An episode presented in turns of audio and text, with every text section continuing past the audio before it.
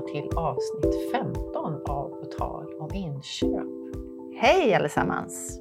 Det var ett tag sedan vi eh, spelade in Eva-Lotta, men nu är vi här igen. Ja, det börjar bli en vana att vi har lite längre intervall mellan våra inspelningar. Men det kanske ändras så småningom. Vi får se. Vi har ju haft en covid som har ställt till det lite med det här att kunna spela in på plats, men nu är det andra tider. Ja, och jag hoppas att ni lyssnare känner av skillnaden ljud för er som har lyssnat många gånger, för vi har faktiskt förbättrat vår utrustning lite. Det känns väldigt bra. Det känns jätteroligt. Ja. Hur mår du Helena? Jag mår jättebra. Hur mår du? Jag mår också bra. Det är ju vår, vilket är fantastiskt.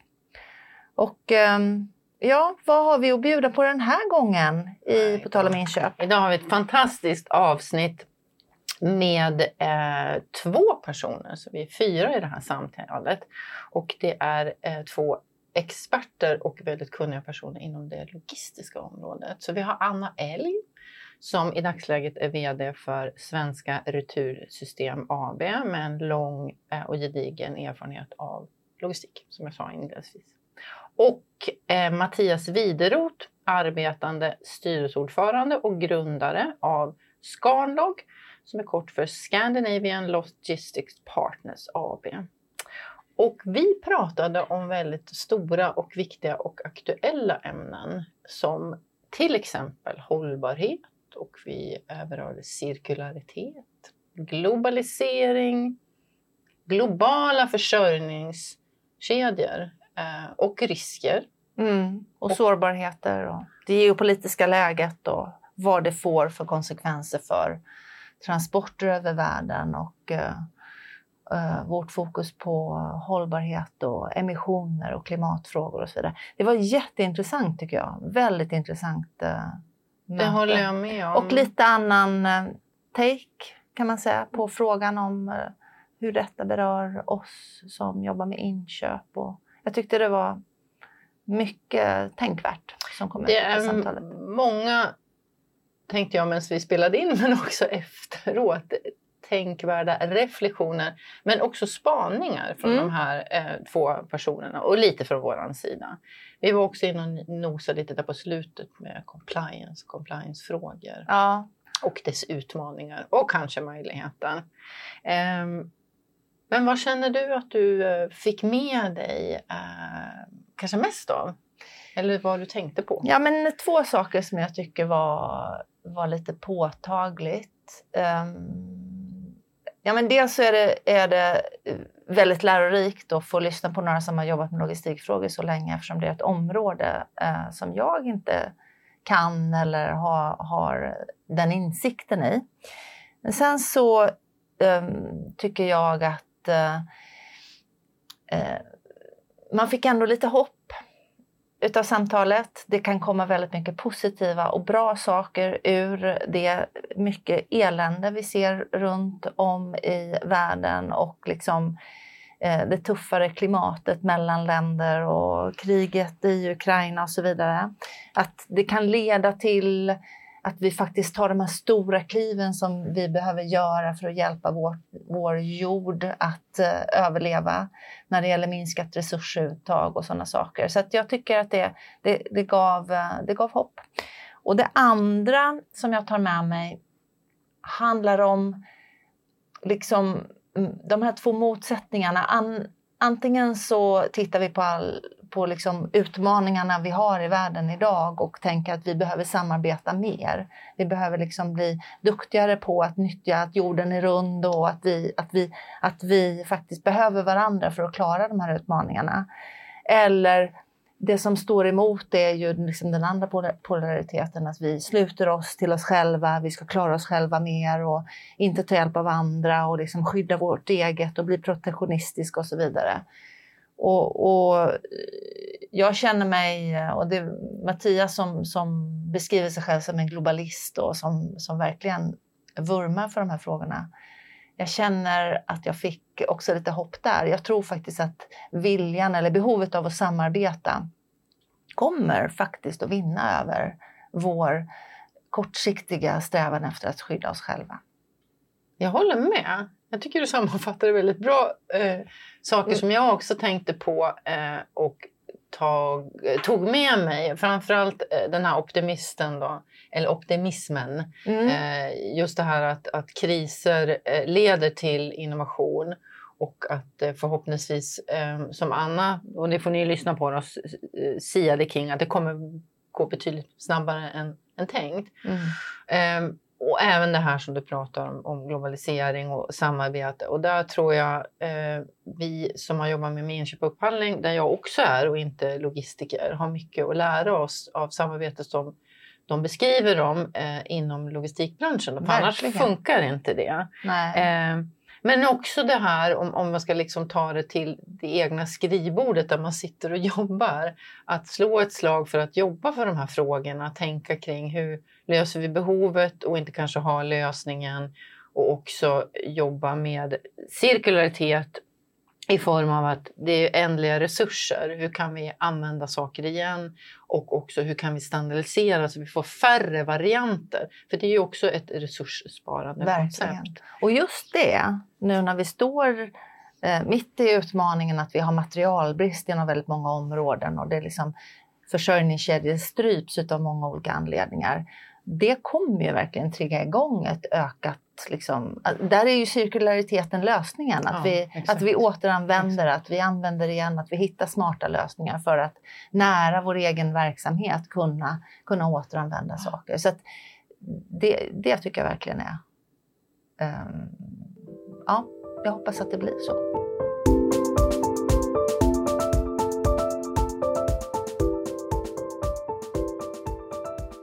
Välkomna till På tal om inköp, Anna Elg och Mattias Wideroth. Det är jätteroligt att ha er här. Idag ska vi prata om allt ifrån global sourcing till hållbarhetsfrågor och eh, de utmaningarna som vi står inför och hur vi som jobbar med inköpsfrågor ska förhålla oss till dem. Vi har tre år på oss att eh, klara klimatmålet på en och en halv grad. Och samtidigt så skakas vi i Europa av ett storskaligt krig i Ukraina. Vi har handelskrig mellan stora ekonomier. Vi har en pandemi som tar fart igen i Asien. Och eh, det här är frågor som eh, kommer rakt in i vår vardag när vi jobbar med inköp och upphandlingsfrågor. Men först så tänkte vi att vi skulle lära känna er båda två lite bättre och då börjar vi med dig, Anna. Kan inte du berätta lite grann, och välkommen igen. Eh, berätta lite om eh, vad... Du är idag VD för... Du får berätta Svenska själv. retursystem. Ja, Ja, precis. sedan åtta år tillbaka är jag VD för Svenska retursystem. Ja. Och, eh, Eh, I den rollen så, den kan man väl säga, den, den summerar ganska väl eh, allt som jag har jobbat med tidigare och framförallt så eh, tycker jag det är en eh, mycket spännande roll därför att jag får möjlighet att eh, arbeta hållbart i, i alla dimensioner. Eh, och det är väl en sak som vi kommer in mer på under samtalets gång. Men, men Svenska Retursystem driver ju då livsmedelsbranschens eh, hållbara system, cirkulära system, eh, för lastbärare och eh, eh, både pallar och lådor då för transport och distribution av livsmedel till den svenska marknaden. Och eh, vi ägs ju av branschen så att vi kan jobba långsiktigt. Vi arbetar helt cirkulärt och eh, det är otroligt eh, spännande att se hur vi kan bidra till, till hela branschens hållbarhet och effektivitet i var, varuflödena. Eh, men innan dess så, så jag är ju i grunden då eh, civilingenjör från, från KTH, läste maskin. På, på den tiden kunde man ju inte studera logistik. Det fanns ju inte som ämne. Eh, materialadministration på sin höjd. Eh, så att jag är väl liksom eh, självlärd inom logistik. Jag har ju jobbat både i i många smutsiga branscher. Jag har jobbat i oljebranschen, jobbade i flygbranschen, telekom. Eh, och sen så träffades du och jag, Helena, eh, när jag kom till Lantmännen och fick ett uppdrag att eh, samordna logistiken för, för Lantmännen och, och jobbade sen med, med varuflöde. Och det var ju jättespännande för där kom jag också in mycket på det här med eh, lean och eh, jag har ju jobbat hela tiden med förändringsarbete kan man säga, för även under 90-talet eh, när jag jobbade på Statoil och så vidare. Men, eh, men eh, det tog jag liksom med mig och sen kom, gjorde jag en sväng in i vårdbranschen av alla Nej, ställen. vad spännande. Ja, så att jag jobbade med hemtjänst som är väldigt mycket logistik. Mm. Och jag jobbade med, eh, med äldreomsorg. Och eh, eh, jag kom in också på ett uppdrag innan jag, jag eh, Eh, började med det också att titta på kan man jobba mer linbaserat inom vården. Eh, och det där var ju jättespännande men, men det var väldigt hierarkiskt. Så det var väldigt svårt att, att jobba linbaserat upptäckte jag. Eh, och sen kom jag tillbaks då till log- mer logistik och där jag kände att jag hörde hemma när jag började på Svenska Retursystem då för åtta år sedan.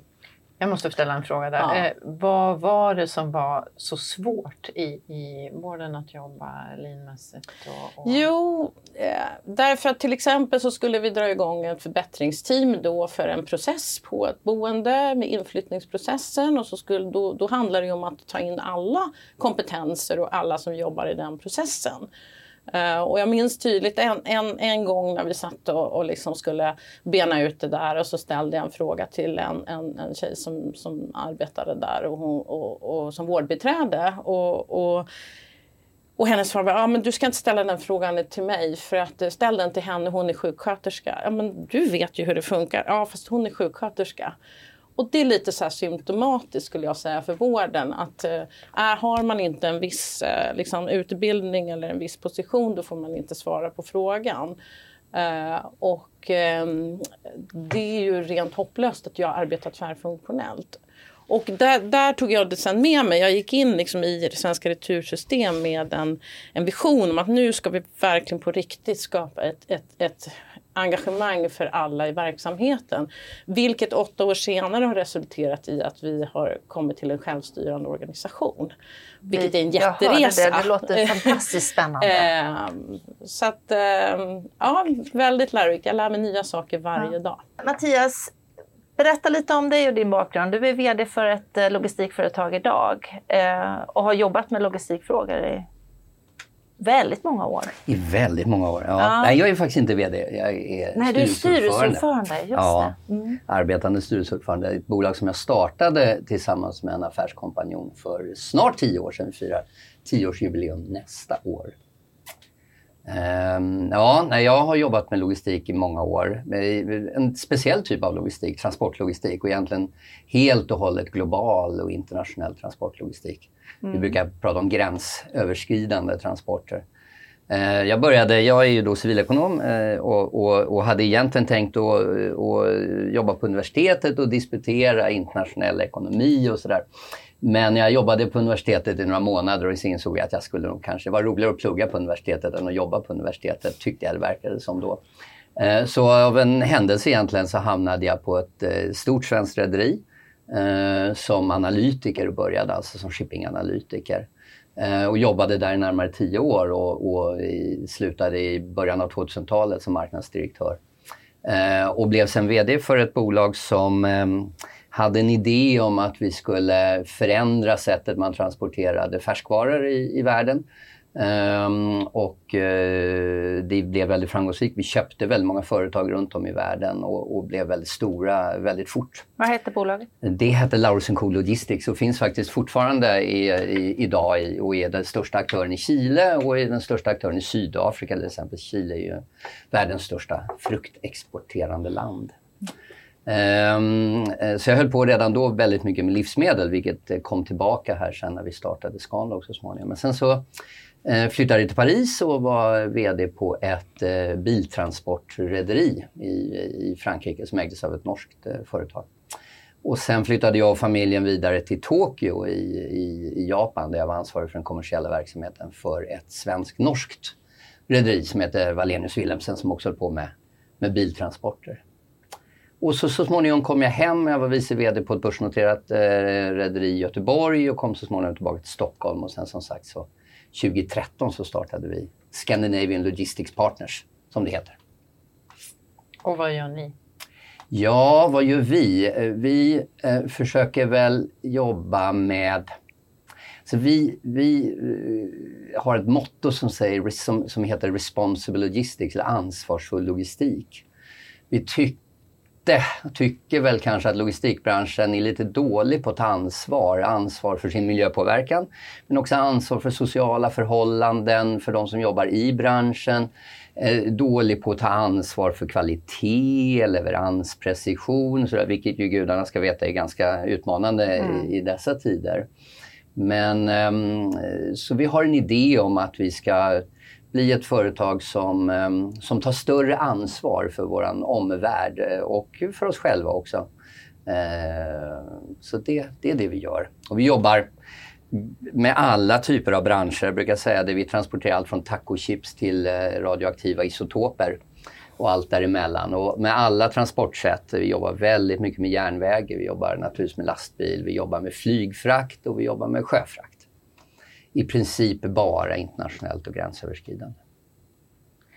Hur, hur ser liksom strukturen ut på ert bolag? Alltså vad har ni för egna resurser? Och hur, det, det måste ju bygga på väldigt, väldigt mycket samarbeten och starka mm. partnerskap. Mm. Mm.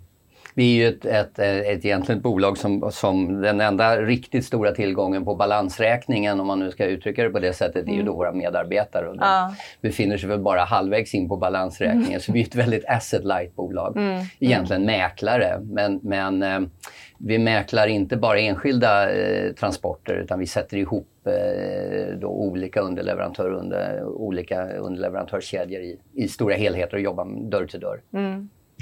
Jag tänker också att det är det perspektivet att det blir eh, en utmaning om man ska jobba just eh, med eh, hållbarhetsfrågan och liksom för att kunna kontrollera också alla sina olika samarbetspartners och hela, hela kedjan så att säga. Ja, det stämmer. Vi, det är en väldigt stor utmaning med det. Inte minst i dessa tider när vi har stora utmaningar med kapacitet, brist på lastbilschaufförer, ja. på transportkapacitet generellt så är det ju lätt hänt att man tvingas på ett eller annat sätt bortse från de eh, hållbarhetsfaktorer som annars har varit väldigt viktiga. Och det där är en stor utmaning naturligtvis. För oss liksom för andra. Ja, vad spännande. Eh, och eh, framförallt, eh, ni jobbar med så otroligt viktiga frågor och frågor som blir viktigare och viktigare, inte minst för oss som jobbar i offentlig sektor, om jag ska ta på mig den hatten. Helena som har mer erfarenhet från privat sektor så, så är det här någonting som vi kanske traditionellt sett inte haft jättebra koll på.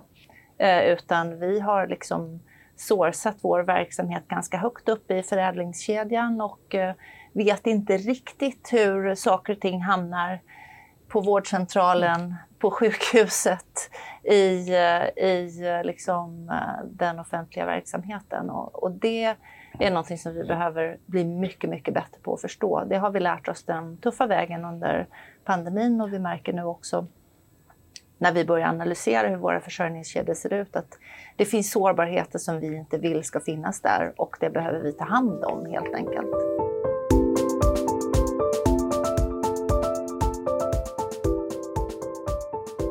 Nej, men hur pratar ni om, om de här lite större globala eh, utmaningarna och frågorna i era respektive branscher? Mattias, du var inne på det. Eh, om kapacitetsbristen och vad är egentligen grundproblematiken där? Men eh, inom din bransch, Anna, som handlar mycket om att skapa de här cirkulära flödena. Hur, hur, hur ska vi som jobbar med inköp förstå och adressera de här utmaningarna? Vad behöver vi göra? Anna, vill du börja?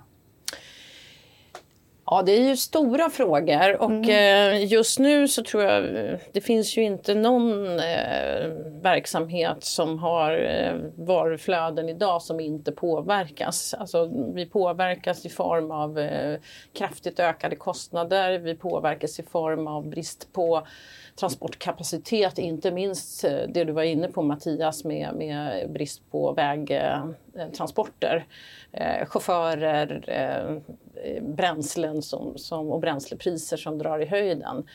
Eh, så att, att vi påverkas, eh, det gör vi. Eh, vi som då driver en cirkulär affär eh, och som är en viktig del såklart i logistikflödena därför att vi tillhandahåller ju lastbärare, pallar till många av de bolag som, som har varuflöden, som, vars flöden går på, på våra pallar och i våra lådor.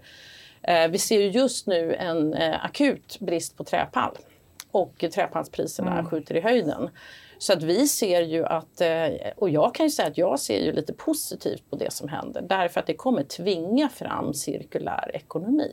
Vi kan inte hugga ner träd eh, bygga pallar och sen så använda dem tre gånger och sen så elda upp dem. Det håller inte.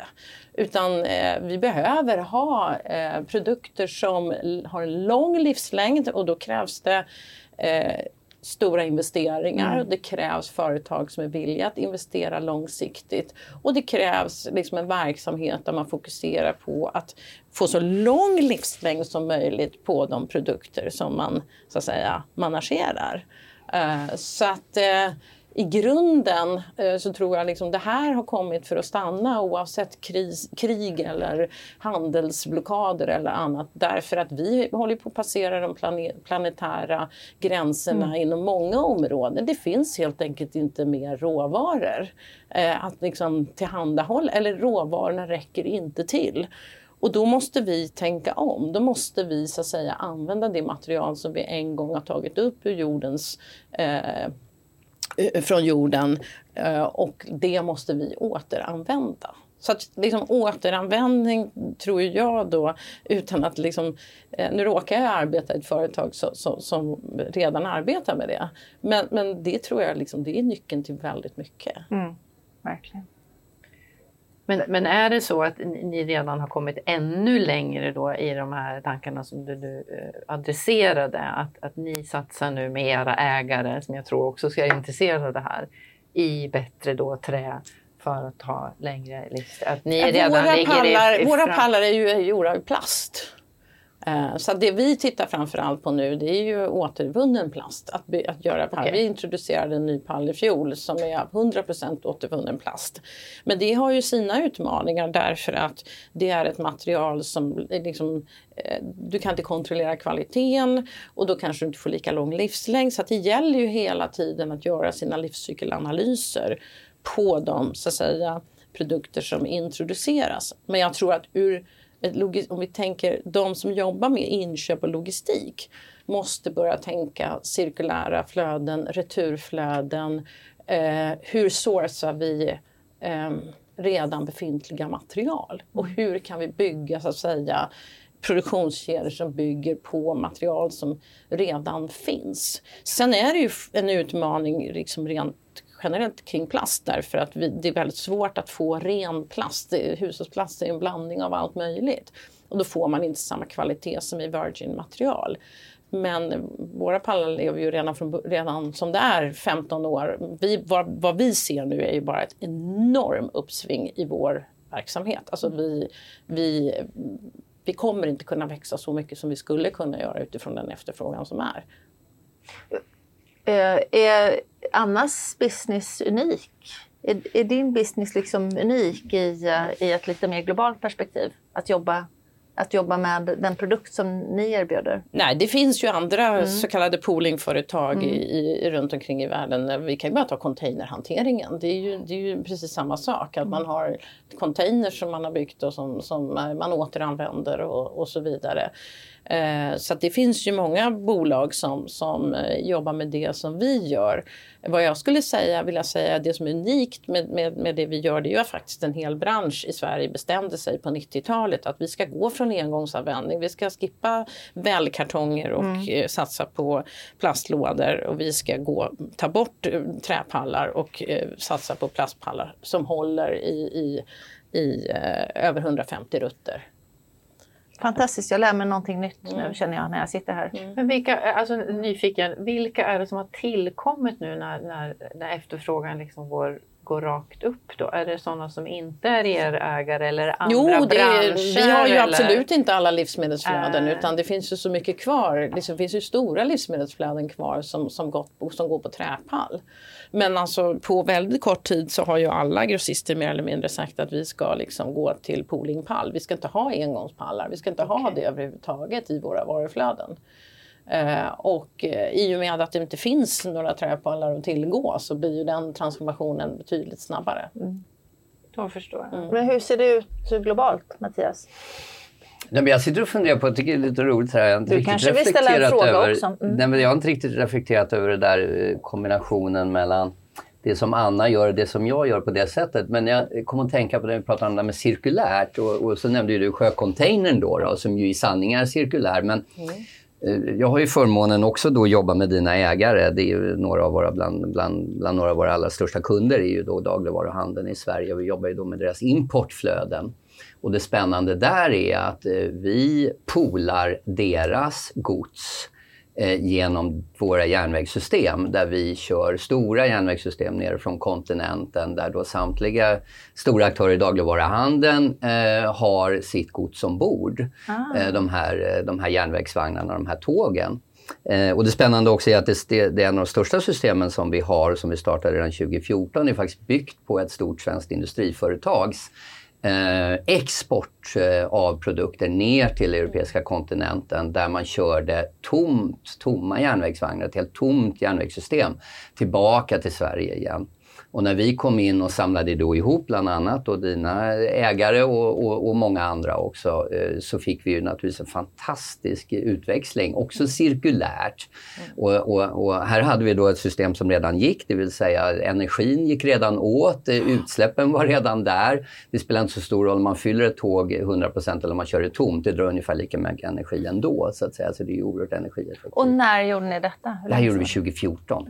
Ja, okej. Och överhuvudtaget så handlar ju transportlogistik väldigt mycket om att jobba cirkulärt. Det vill säga det, alltså det största slöseriet det är ju när en lastbil går halvtom. Eller för den delen heltom som ju många gör. Många fartyg som inte lastas eh, lika mycket åt ena hållet som åt andra hållet. Allt det där är ju absolut det största slöseriet, det största miljöpåverkan egentligen. Så på det sättet är även, är även, även liksom transportekonomin, transportlogistiken väldigt cir- eller borde vara cirkulär egentligen. Alltså det- det, är 30 måste ju- procent av utsläppen i Sverige kommer ju från transporter. Mycket persontransporter naturligtvis, men också väldigt mycket frakt.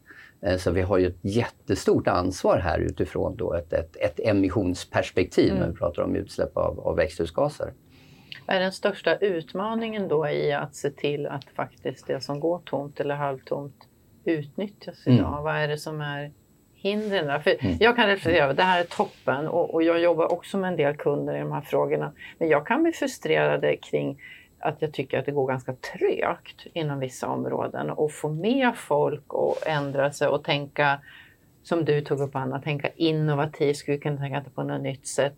Eh, Så det skulle jag vilja ha lite tips på. Hur kan man få folk med sig och, och vad, det var en massa frågor samtidigt. Och hur kan man få liksom de här halvtomma, tomma eh, lastbilarna, tågen, flygen att bli fulla? Är det en systemfråga att man inte ser den? Är det en medvetenhetsfråga? Eller är vi strutsar för många av oss fortfarande? Eh, Ja, det vore lite intressant att... Ja, jag Nej, men jag, jag, jag tror att eh, vi måste komma ifrån det här med eh, eh, liksom det gamla just in time. Det måste gå så snabbt hela tiden. Ja, vissa grejer måste gå snabbt, men det är inte allting som måste gå snabbt. Och man kan liksom börja tänka i lite olika termer av vad måste gå snabbt och vad kan vi lämna till lite mer flexibilitet. För det är ju liksom, vad som behövs är ju en flexibilitet att fylla bilen när man kan. Sen är det ju klart det här att hitta de här obalanserna och att hitta andra flöden som kan balansera. Det tycker jag, du tar upp ett jättebra exempel Mattias, för att det är hur viktigt som helst att vi fyller den kapacitet som finns. Det tror jag kommer också faktiskt drivas fram rent ekonomiskt nu. När det är en brist, då blir man innovativa. Ur kriser kommer innovation och nytt tänk. Så att därför väljer ändå jag att se, det är fruktansvärt allt det som händer, men vi måste se möjligheterna i det som händer. Jag var inne på det som en fråga just. Kapacitetsbristen kopplat till att faktiskt få en bättre transportekonomi. Det borde ju hänga ihop här, eller en drivkraft. Ja men det gör det ju och man kan väl säga det att, att, att, eh, att eh, menar, de här senaste årens enorma utmaningar globalt är, är, är, har väl, om det är någonting liksom som, som har påverkat säga, vi oss som jobbar med logistik eh, på ett, på ett kanske mer positivt sätt så är det väl just i medvetande, medvetandegraden av betydelsen av det vi brukar kalla för supply chain security eller att, att eh, menar, en kedja, man brukar ju säga att en kedja är ju liksom aldrig så stark som den svagaste länk. Det vi har upplevt de senaste två åren är väl att alla länkar har varit väldigt svaga.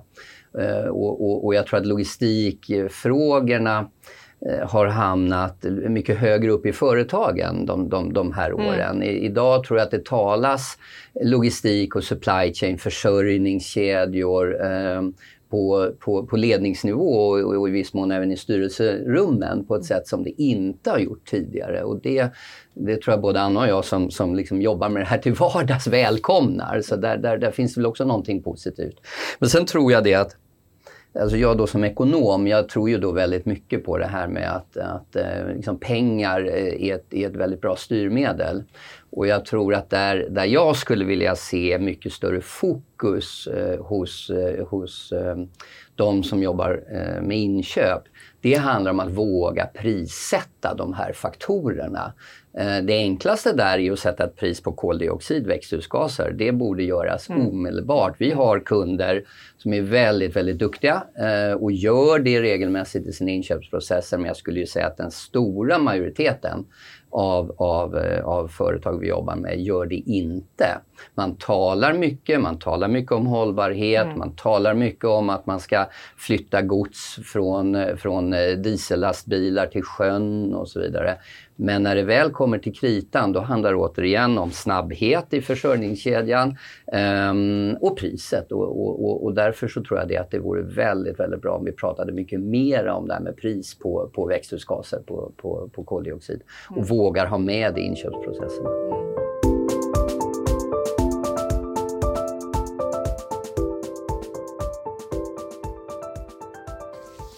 Nej, men du lyfter ju eh, liksom, ekonomi som en viktig drivkraft och det är viktigt att man också tar upp, eh, eh tar upp det i eh, sina krav när man, när man eh, upphandlar och köper transporter och, och era tjänster. På vilket sätt tror ni att den nya taxonomin inom EU eh, när det gäller eh, hållbara investeringar för att man ska kunna investera i och de stora eh, finansiärerna utav industrin ska kunna investera i, i ehm, eh, hållbara lösningar. På vilket sätt tror ni det kommer att påverka drivkrafterna för att göra, ta med hållbarhetsperspektivet i sina inköp?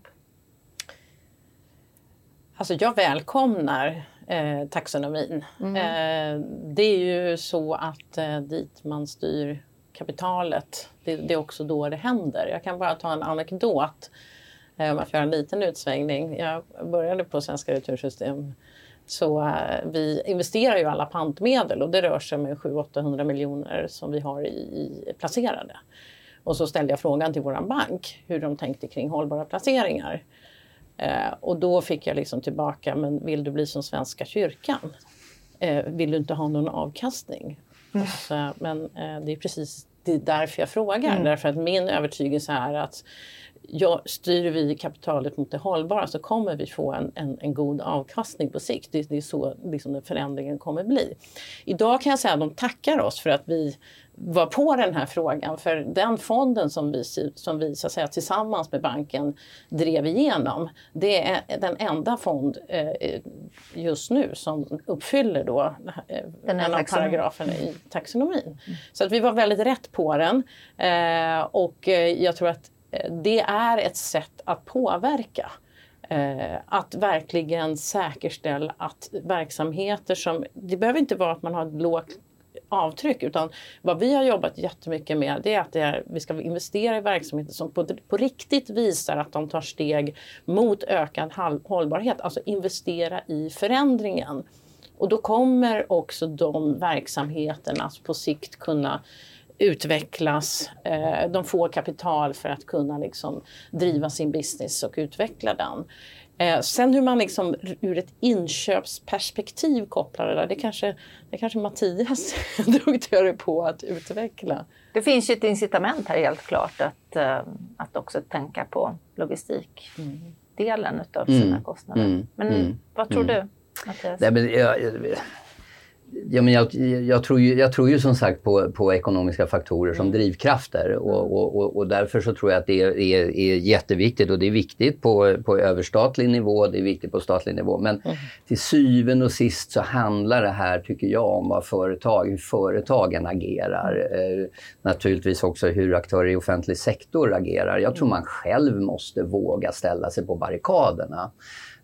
Um, och det det, det, jag, jag, vi har ju glädjen att ha väldigt många av de stora industriföretagen, liksom då, som jag nämnde, många livsmedelsföretag, dagligvaruhandeln, som, som, som kunder. Och det är en väldigt stor skillnad. Det är en väldigt stor skillnad mellan hur man pratar och hur man agerar. Vissa av våra kunder agerar utan att prata. Jag försöker få dem att prata därför att jag tycker att de har så, så, så, så, så, så rätt filosofi. Um, uh, andra pratar kanske mer än de agerar. Så, så jag tycker nog att, att eh, det, och det är väldigt bra, det sätter fokus så att säga eh, också hos allmänheten naturligtvis när, när man från, från regeringar och, och, och EU talar om det här och också naturligtvis har ekonomiska styrmedel som, som bär dit. Men, men till syvende och sist så, här, så handlar det, tycker jag, om hur företag och, och aktörer i offentlig sektor agerar. Tycker du att eh om man, om man ställer frågan varför de agerar som de gör idag, varför man pratar mer än kanske agerar då. Handlar det om Eh, vad tror du det handlar om? Handlar det om att det, inte, att det saknas de eh, ekonomiska incitamenten eller handlar det om kompetens eller handlar det om att det finns något glapp i liksom, eh, vem som pratar och vem som borde agera i organisationen? Ja, jag, tror, det, jag, tror det, ja, jag tror det sistnämnda. Jag tycker jag ser det väldigt tydligt hos, hos några av våra kunder att man eh, man, man jobbar ganska mycket i silos. Och nu kan ju inte jag, jag jobbar ju naturligtvis, har ju jobbat genom hela min karriär med, med, med inköpare som, som, som kunder. Och jag tycker mig se att många gånger så styrs inköpare inköpsavdelningar av helt andra saker. Naturligtvis i princip så mäts man på det resultat som man åstadkommer och hur lite pengar man behöver betala för sitt inköp så att säga. Um, medan då kanske andra avdelningar eh, på, på samma företag talar i helt andra termer. Mm. Och därför så tror jag som sagt det att, att eh, hjälper man inköparna, inköpsavdelningarna, inköpsledningen med att faktiskt också värdesätta eh, hållbarheten eh, i, i, i pekuniära termer så tror jag att man, man, eh, man hjälper eh, inköparna också att, mm. att, att ta de rätta besluten. I offentlig sektor är vi ganska vana vid att sätta ett pris på de värden som vi vill att produkten eller tjänsten ska innehålla. Bland annat eh, miljöbelastning eller att vi, vi så att säga lägger på en kostnad och så vidare. Är det någonting du ser i, det var bara en sån detaljfråga, är det någonting du ser i eh, privat sektor? Ja, vi ser det hos, hos, ett fåtal av våra kunder. Vi själva när vi säljer så gör vi det faktiskt. I och med att vi kör så mycket järnväg till exempel, ja. så mycket med järnväg, så, så um, brukar vi alltid göra alternativkostnadskalkyler och presentera för våra kunder. Och då sätter vi faktiskt ett pris på på, på emissioner. Mm. En, en alternativkostnad för emissioner mm. att presentera. Och ibland så, så säger kunden att eh, den potentiella kunden, det här var ju jätteintressant. Det här det, det, det, det tycker vi var så viktigt. Eh, I andra fall så, så, så, kanske man inte bryr sig om det. Mm.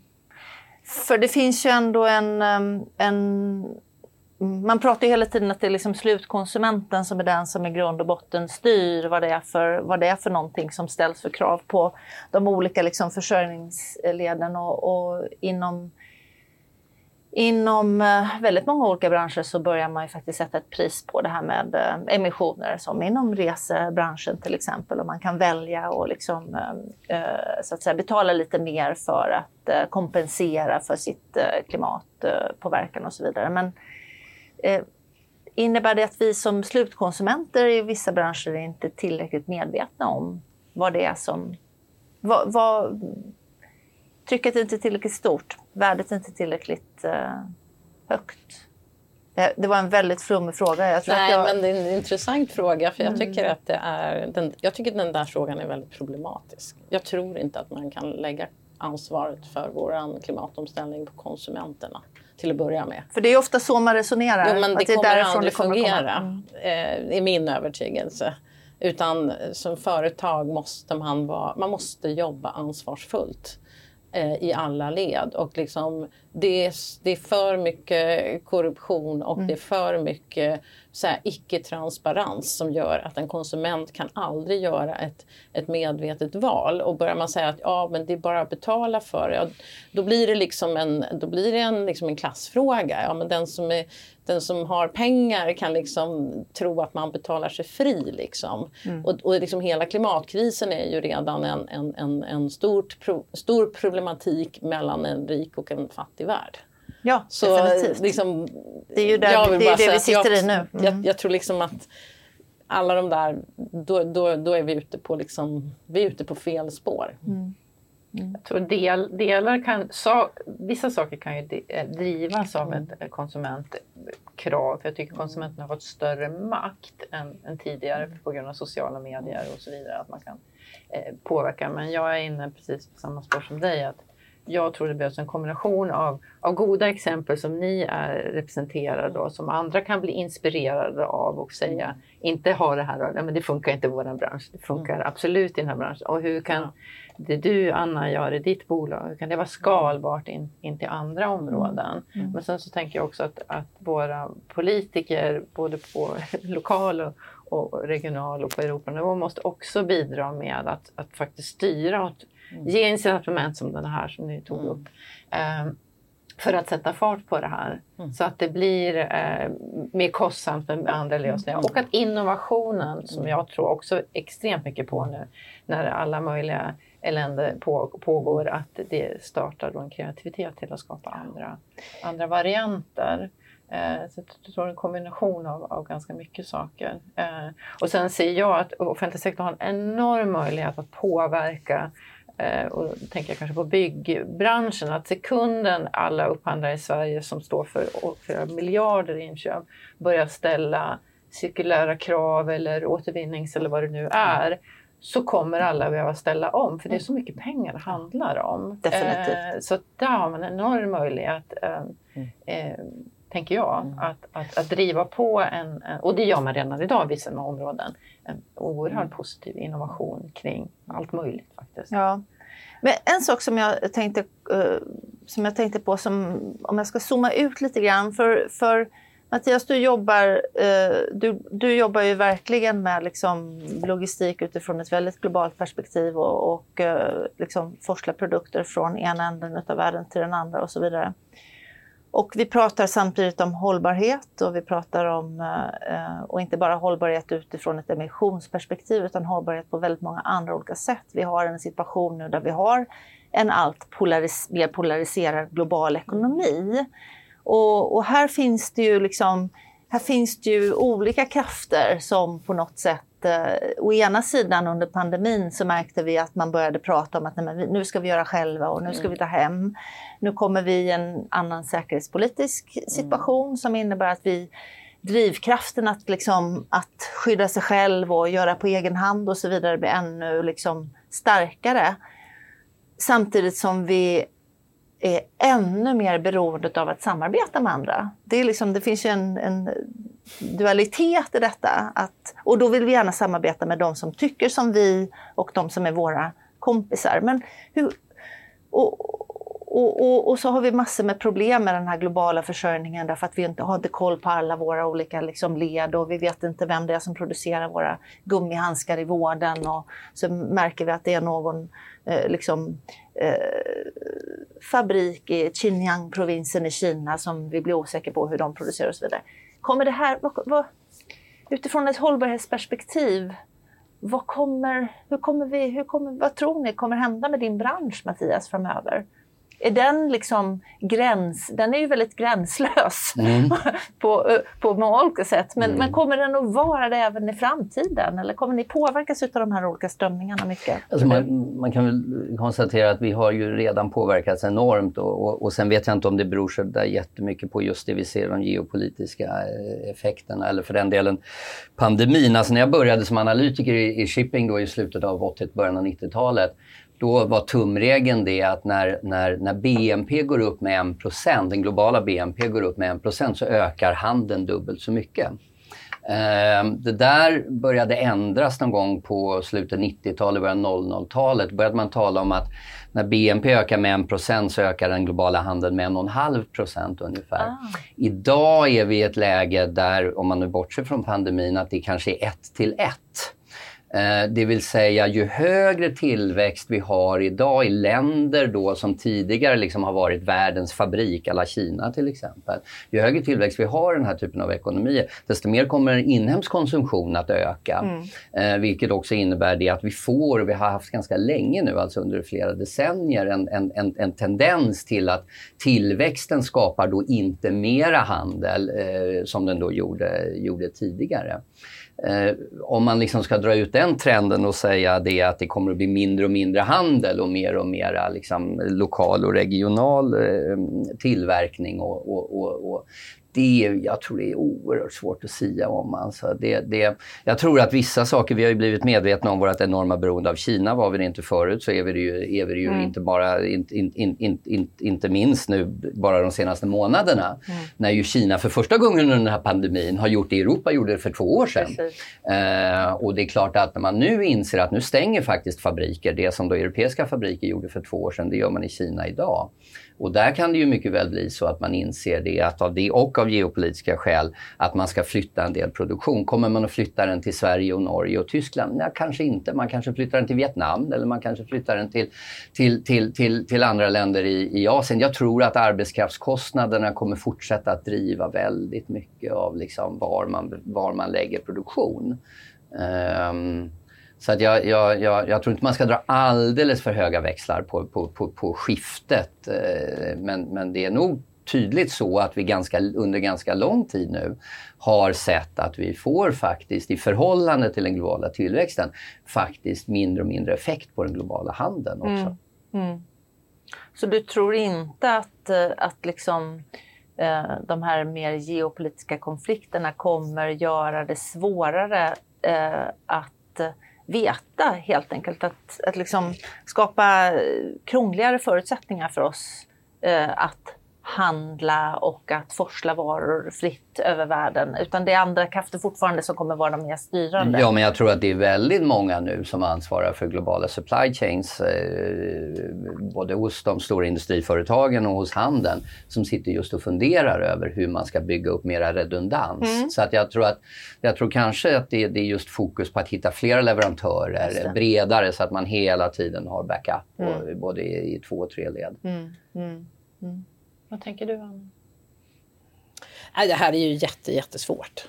Eh, alltså, sett ur det läge vi har idag så, så är ju det det naturliga som du beskriver, att liksom hitta redundans, att liksom hitta eh, alternativ. Men blir bristen, det är ju inte så att det uppstår så att säga eh, kanske kapacitet. Det, det, det, finns ju ändå en gräns för hur mycket råmaterial eh, och annat mm. som, som, vi liksom kommer att kunna producera av. Så att jag, jag tror nog att vi kommer att se mer dramatiska förändringar i eh, hur vi ska tillgodose de tjänster eller de behov mm. vi har.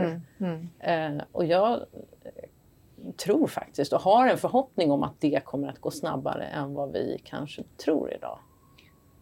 Där det som händer just nu rent uh, politiskt också är en drivkraft för att få det att hända menar du? Eller Nej, jag tror saker? faktiskt att politikerna sitter lite grann i baksätet just nu. Mm. Jag tror att det här händer på grund av att det blir liksom för mycket brister och att eh, kostnaderna skenar iväg på ett sätt som gör att vi kan inte tillgodose eh, liksom, eh, behoven eh, genom den, det traditionella system som vi har byggt upp. Mm, mm. Men sen tror jag man ska komma ihåg en annan sak också. Jag var inne på arbetskraftskostnader och det är ju en drivkraft. Men mm. man ska inte glömma det att idag är det ju så att det finns en enormt hög kompetens, kanske mycket mm. högre kompetens inom ganska många områden i det som vi förut kallade för liksom lågprisländer eller, där, där, eller länder på andra sidan jordklotet som vi mm. tänker så här nu tar vi hem den där produktionen därför att det är mycket enklare att sköta mm. den hemma. Men vi har inte ens kompetensen att göra det längre. Eller kanske aldrig haft den. Eh, okay. glöm inte att leveranssäkerhetsnivåerna i många, många av de här länderna nu är, börjar bli riktigt, riktigt hög. Absolut. Så att det tror jag också att vi ska... Jag, jag, nu är jag ju globalist så att säga, så att det, det är väl, en, en, en, det är väl delvis be, be, be, liksom baserat på en förhoppning. Jag tror ju att, att, att eh, jorden kommer att fortsätta vara ganska liten och mm. väldigt rund i förhållande till, till de här stora flödena. Det mm. tror jag. Man pratar om, om, mm, att återanvända, återbruka, jobba med cirkularitet så kommer ju också eh, eh, liksom råmaterialet och produkten hamna närmare, närmare liksom slutanvändaren. Eller den är ju det från början. Liksom. Hur, hur kommer det påverka en, en, en logistikbransch, Mattias? Tror du? Eller tror du, Anna? Eh, jag, jag, kan ju bara säga att uh, vi... Uh, en logistikbransch är ju van att jobba med linjära flöden. Mm. Man sourcar ett råmaterial, man har en, en, produktion, en tillverkning och sen distribuerar man och sen ser man aldrig den där produkten mer. I en cirkulär logistikkedja så behöver man säga, eh, fundera på, okej okay, nu, har vi, nu har vi levererat ut de här och eh, om man fortfarande då, man kanske bygger om det här till en tjänst så att man hyr ut den här produkten. Mm. Då måste man också ta ett ansvar mycket, mycket längre Eh, för den här produkten. Att, eh, hur länge den lever, man kanske till och med behöver ha ett returlogistikflöde för reparation av den här för att sen kunna distribuera ut den igen. Så att det, det är ju en helt annan komplexitet i ett cirkulärt logistikflöde och ett cirkulärt varuflöde därför att du behöver ha koll på på hela din asset, alla dina produkter. Du behöver ha en logistik som också möjliggör att du faktiskt tar tillbaks den och att leverera ut den igen. Så jag skulle säga att det, det, är en kompetens som behöver byggas upp om man ska gå från en helt linjär, man behöver tänka okej okay, vi kanske inte säljer en produkt utan vi säljer en tjänst i framtiden. Och vi behöver också då sätta upp ett returlogistikflöde.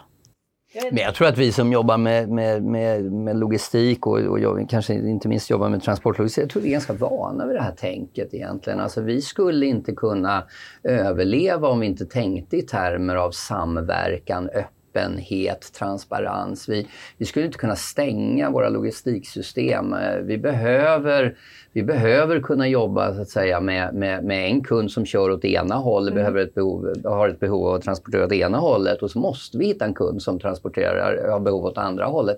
Är det då samma kund så, så, så alla bonheur, men för oss spelar det egentligen ingen roll. Så jag tror att mycket av det där tänket, det cirkulära, återigen kommer tillbaka till det, finns faktiskt hos många, många åtminstone som jobbar just med transportlogistik, tror jag mm. faktiskt. Där är vi ganska vana vid den här typen av, av frågeställningar. Men var, var um, någonstans uppstår sårbarheten och finns det ingen sårbarhet i det, Mattias? Alltså, man blir ju, jag, jag tror att man blir starkare genom samverkan. Jag tror man blir starkare, ju fler man är desto starkare blir man. Det, det, det är jag helt övertygad om. Jag tror att sår, den stora sårbarheten, det, för att komma tillbaka till Annas poäng om, om, om, om de här elskotrarna, så, eh, så kan jag ju vara förbluffad över alla dessa matleveranssystem som håller på att byggas upp nu. Den ena verkar ju vara mera skakig affärsmodell än den andra. Någon ska leverera mat på tio minuter i, på Söder och vad det nu är för någonting. På tal om där, just in time. Ja, och det där blir väldigt konstigt därför att vi har ju sedan länge nationella stora distributionssystem med ett fåtal aktörer som, öppnar upp som har öppnat upp hela sina logistiksystem för alla. Medan när man talar om de här matleveranserna så sitter alla i varsin liten bil och håller på att transportera det här. Och ja, någon skaffar elbilar men någon annan låter chaufförerna vara egna företagare och sådär. Det här, jag, jag, jag, jag tror ju att här kommer vi få se en förändring eh, av, av många hållbarhetsskäl. Miljömässiga, sociala, ekonomiska. Mm. Eh, så, så, så jag tror ju som sagt att, att branschen är egentligen, alltså den, den, de aktörer som har varit med ett tag, de, de är väldigt vana vid det här tänkandet. Nya aktörer i branschen Eh, som håller på att jobba med logistik tror jag kommer att några av dem få en ganska, eh, ganska tuff läxa, alltså en ganska tuff lektion i, i ekonomi och hållbarhet.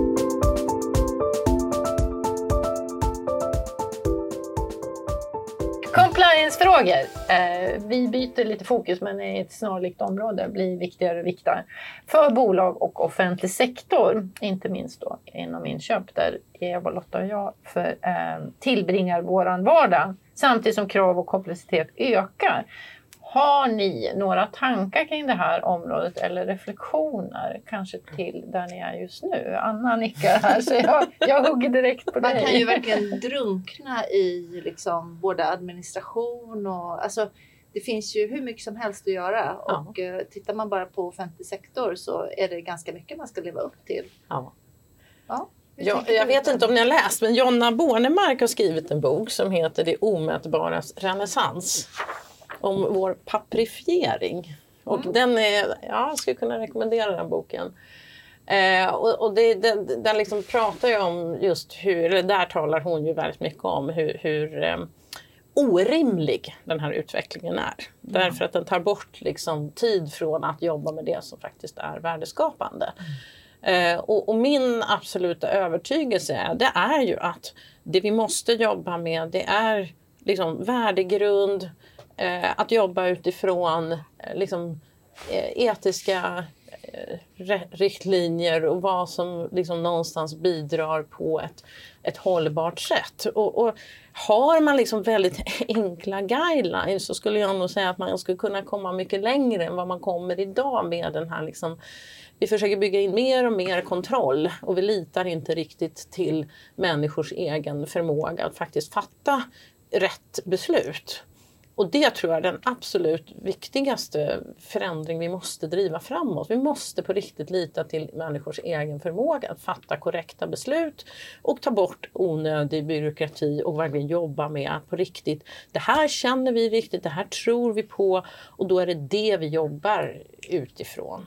Nej, men det du är inne på, Anna, eh, det, det tillsatte ju regeringen en hel delegation för att titta på, tillitsdelegationen. Men samtidigt så är det ju så att det, det går ju inte en dag utan att det ställs krav på liksom, eh, offentlig sektor att man ska kunna eh, alltid i alla lägen fatta ett rätt beslut. Det finns liksom inget utrymme för att fatta felaktiga beslut. Och det är ju det som driver det här att vi alltid ska, liksom, vi ska alltid mätas på, vi ska alltid kunna följas upp, vi ska alltid kunna hållas till svars för att vi har alla fakta på bordet för att kunna göra rätt och så vidare. Och det där är ju, det går ju liksom inte riktigt hand i hand med vare sig tillit eller tron på vår förmåga att kunna avgöra vad som är viktigt vid det enskilda ögonblicket. Nej. Och hur får vi ihop det?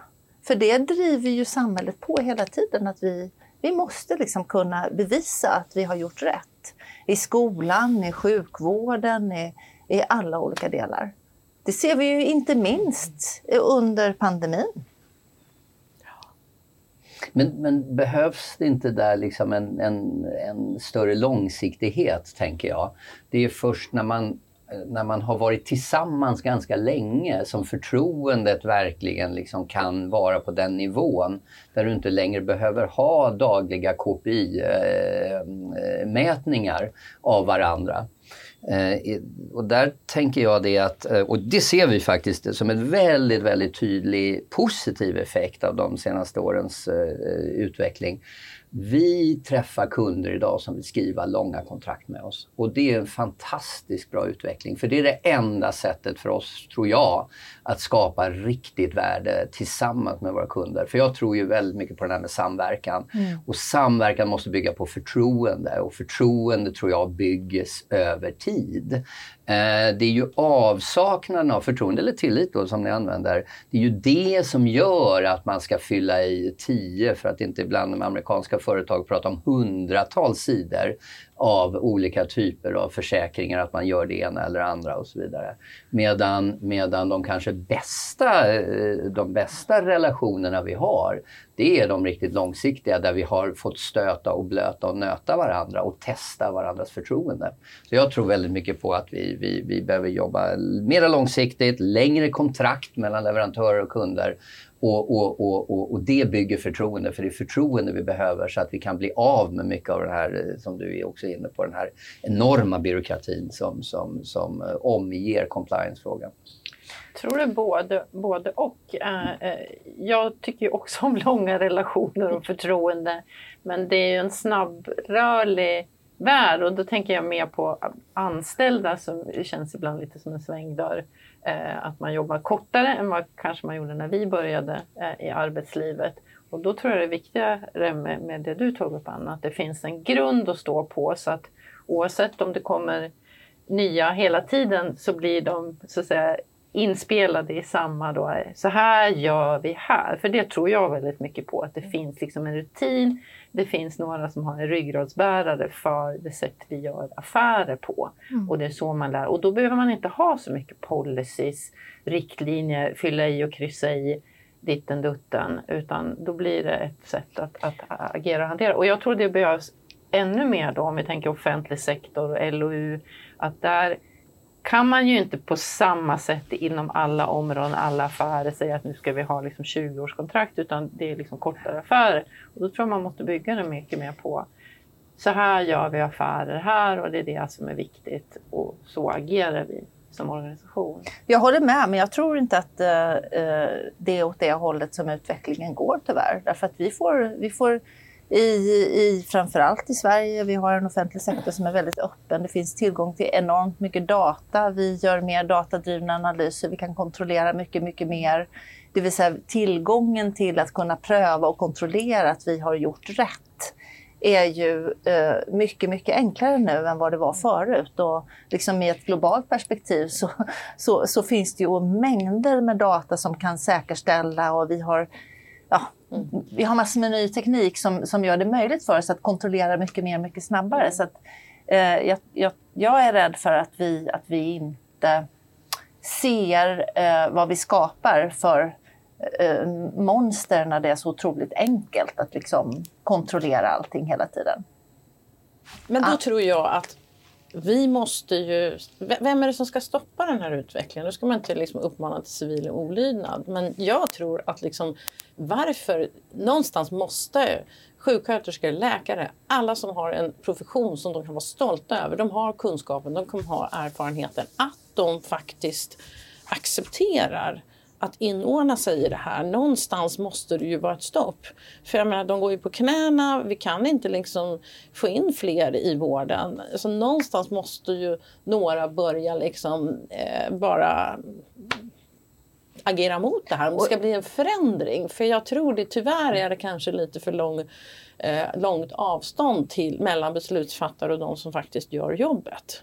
Jag tror också det, och jag tror, men jag tror kanske inte att nyckeln eller svårigheten eller motståndet sitter kanske alltid eh, hos det, den enskilda professionen utan jag tror många gånger att det sitter hos medborgarna, media, konsumenter och så vidare som ställer kraven. Och det är jag helt med på, mm. att det där motståndet det sitter inte hos de som Nej, gör jobbet. Precis. Men jag tror det är de som måste manifestera att ja. nu vill vi jobba på ett annat sätt. Vi måste jobba på ett annat mm. sätt. Och att liksom, Eh, det, det, det, det är någonting som förundrar mig. Att varför säger man inte stopp?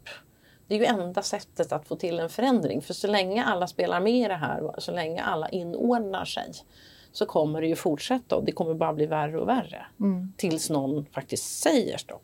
Nu och jag har det tror, gått för långt. Ja, och det finns ju också väldigt många bra exempel på när man faktiskt har jobbat mm. på det viset mm. inom inom vården och så vidare. Men ja, det, det, är intressant inom inköpsområdet i alla fall, därför att här, här liksom ska vi ju verkligen liksom lägga kraven ovanpå varandra och så ska vi dessutom kontrollera dem i efterhand och säkerställa att vi lever upp till dem. Och sen så, eh, och sen så får det inte kosta någonting och det ska levereras just in time och eh, vi får absolut inte fatta felaktiga beslut eh, eller köpa en handske som kommer från fel fabrik. Eller vad det nu är för någonting. Det här det är svårt att, att veta vad man ska, hur man ska orientera sig. Och, och det är ju förödande för utvecklingen för att, Eh, att göra fel, det är ju att utvecklas. Ja, men tittar man, i, liksom, är vi inne i en era utav tillit och förtroende om man liksom lyfter blicken? Det är väl liksom knappast där vi befinner oss i, i världen idag, att vi börjar liksom lita på varandra mer och mer. Går det inte åt fel håll? Är, nu är jag pessimisten här i nej, rummet. Jag är nog inte alls så pessimistisk. Nej, du är jag inte tror, det. Nej, Berätta. Jag, tror jag jobbar tvärtom. inte globalt jag, som du gör. Jag, jag tror snarare tvärtom faktiskt. Att, att många har många har insett de här senaste åren att man, man måste nog faktiskt ha lite schyssta kompisar och hålla handen där ute när det blåser. Och många har inte haft det. Många har missbrukat sina leverantörs och kundrelationer. Många har kört med korta med, med, mm. med, korta kontrakt, med korta förhållanden där man har eh, låtit någon fylla i de här 20 eh, sidorna och sen så ska man mäta och, och sen är det bara någon som säger så här, men hörni, energipriserna har dubblats. Liksom. Vi, eh, vi har inte råd att transportera här. Ja, då sitter en offentlig upphandlare där och pekar på kontraktet och säger vi har inget bränsletillägg i vårt kontrakt här, vänligen leverera. Antingen går åkeriet i konkurs eller så slutar de jobba med dem ändå. Jag tror att förhopp nu är det väl kanske möjligtvis en from förhoppning då, då, men jag hoppas nog faktiskt ändå och tycker mig se en del tecken på att det är tvärtom. Alltså att det, det finns en insikt att man måste jobba på ett annat sätt. Längre, djupare, mera förtroendefulla eh, relationer. Och jag håller verkligen med dig. Jag tror också att det är det som är lösningen i alla fall. Oavsett. Sen, sen eh, hoppas jag ju att vi, både som land och som enskilda aktörer också ser, ser att, det, att det, det är där lösningarna ligger i framtiden, inte åt, inte åt liksom det protektionistiska, vi ska klara oss själva hållet på både, både det, det politiska och ekonomiska området. Eh, Eh, men om, om, om vi ska försöka avrunda lite. Precis. Vad... Det blir svårt. Ja, det blir vi jättesvårt. Men vi kan prata, prata mer. vi, vi, kan ju äh, återkomma till frågan om vad vi tror om framtiden. Om vi sitter här igen om tio år, Anna, och äh, skulle bjuda in er. Då, då, då har vi en ny, äh, en ny poddinspelning. Vad har hänt inom era branscher då? Vad skulle du önska och vad, och vad tror du? Ja, jag satt ju här och sa tidigare att uh, utvecklingen kommer att gå snabbare än vad vi tror. Och det tror jag verkligen. Mm. Och jag tror att om vi sitter här om tio år så kommer vi se betydligt fler uh, uh, företag som har ställt om till att arbeta cirkulärt. vi kommer se en mycket, mycket högre grad av återanvändning av material. Att det tas tillvara och att vi får en annan respekt faktiskt för allt det som vi har plockat upp uh, ifrån jorden och uh, um, värderar det på, på ett, ett annat sätt och använder det på ett annat sätt i nya affärsmodeller. Uh, jag tror också att um, flertalet transporter är elektrifierade, att vi har vätgasfordon, att vi har ställt om transportsektorn. Det är helt nödvändigt. Um, och jag tror det kommer gå fort. Jag är optimistisk. Vi har kommit långt om tio år. Ja, men mm. vi måste komma långt. Mm. Har vi inte kommit dit då, då, då är vi in big trouble. Mattias, vad tror du? Vad har hänt i din bransch? Ja, jag, jag, jag, jag, tror, jag tror faktiskt vi är i big trouble redan i viss ja. mån. Eh, faktiskt. Och, och, och, och, det som är bra med det är väl kanske möjligtvis då återigen att det finns en stark insikt och starka incitament. Jag är också helt övertygad, precis som Anna, att vi, vi kommer att ha helt fossilfria transporter eh, om tio år. Eh, vi kommer att flyga elektrifierat eller vi kommer att flyga med vätgas. Vi kommer att eh, köra jättemycket järnväg eh, som, är, som är det mest energieffektiva sättet att transportera överhuvudtaget. Har vi byggt ut infrastrukturen um, i Sverige då? Um, ja, det är, det är en bra fråga. Jag hoppas att vi har byggt ut infrastruktur, järnvägsinfrastrukturen på ett sådant sätt så att vi kan transportera mer, mera gods på järnväg. Mm. Eh, så kan eh, människor flyga eh, elektrifierat istället. Ja.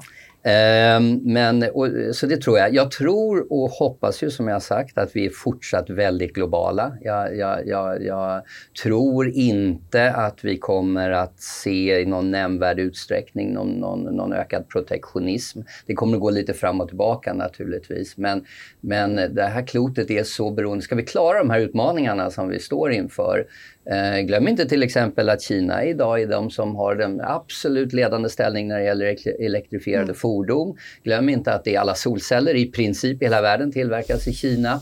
Eh, vi är så beroende av, av våra grannar och, och, och, och kompisar där ute. Så jag hoppas verkligen att vi liksom fortsätter och att vi inser det.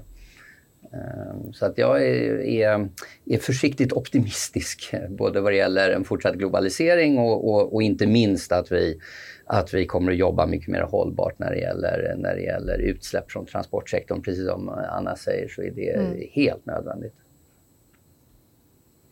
får vi nästan lova att bjuda in dem om tio Ja, det får vi göra. Vi får se till att hålla igång den här podden i tio år till minst, för det ska bli jättespännande.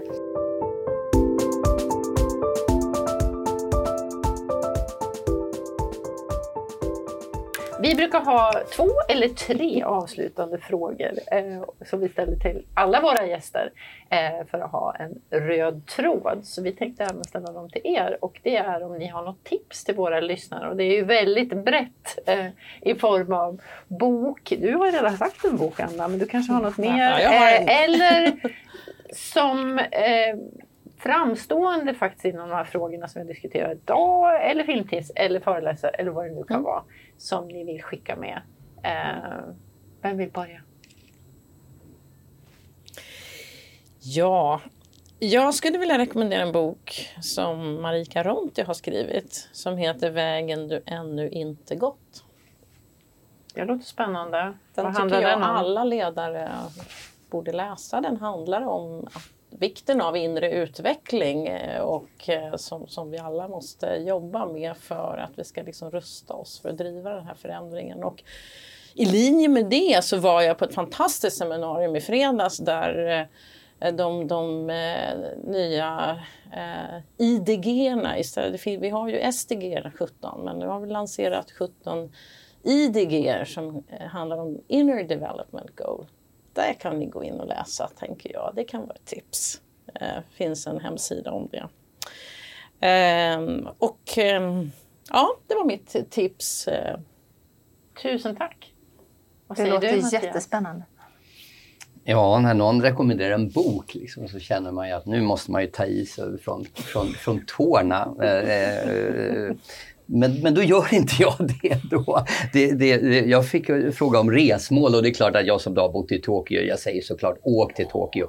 Världens bästa matstad men också väldigt spännande teknologiskt. Det glömmer man ju. Man tror ju att det här är en gammal, eh, gammal eh, liksom mossig kultur. Eller, det är ju en, en gammal kultur men den är ju också väldigt väldigt framåt. Så, så åk till Tokyo tycker jag. Men, men, men sen mitt riktiga tips sådär som, eh, och det kanske jag också lärde mig i viss mån när jag jobbat med Asien länge. Man har bara ett ansikte, var rädd om det. Var snäll mot era, era medmänniskor och, och stå upp för det ni tror på. Eh, och tänk på att ni kommer att bli igenkända där ute. Det är mitt tips. Kloka och jättebra tips. Ja. Sen har vi en fråga till. Precis. Eh, om ni skulle få önska, vem skulle ni vilja att vi bjuder in till den här podden och pratar med vid något tillfälle? Ja, men jag, har, jag har ett förslag. Nu har inte jag eh, hört, det, hört med honom, jag har hört med en av hans kollegor, men jag nämner det i alla fall. Eh, och, och tro det eller ej, det är en advokat. En advokat som heter David Frydlinger på en advokatbyrå som heter Sirio. Han är, eh, tror jag, Sveriges absolut främsta expert på någonting som heter Vestid som handlar om relationsbaserade kontrakt. Och vi har ju pratat mycket om det här ja. och, och jag tror att det här är någonting som många, många inköpare och naturligtvis många leverantörer också skulle ha väldigt stor nytta av att tänka mycket mera på hur man jobbar. Där man då inte går in och mäter enskilda små KPI utan man mäter det resultat som man gemensamt skapar. Mm. Där 1 plus 1 EU-tanken ska bli mer än 2. Så, så ni får ringa till David och höra om inte han vill vara med och prata Vestid och relationsbaserade kontrakt, tycker jag. Tack för tips. Intressant. Jag har också en jurist. Jag tycker att ni ska bjuda in Parol Sharma som är jurist och människoaktivist. Eller människorättsaktivist. Um, och ni är väldigt inspirerande att lyssna på uh, när det gäller just sådana här frågor kring uh, hållbar, uh, hållbara inköp. Mm. Gud, vilka bra tips! Ja, verkligen. Tusen tack! Tack så mycket för att ni var med oss.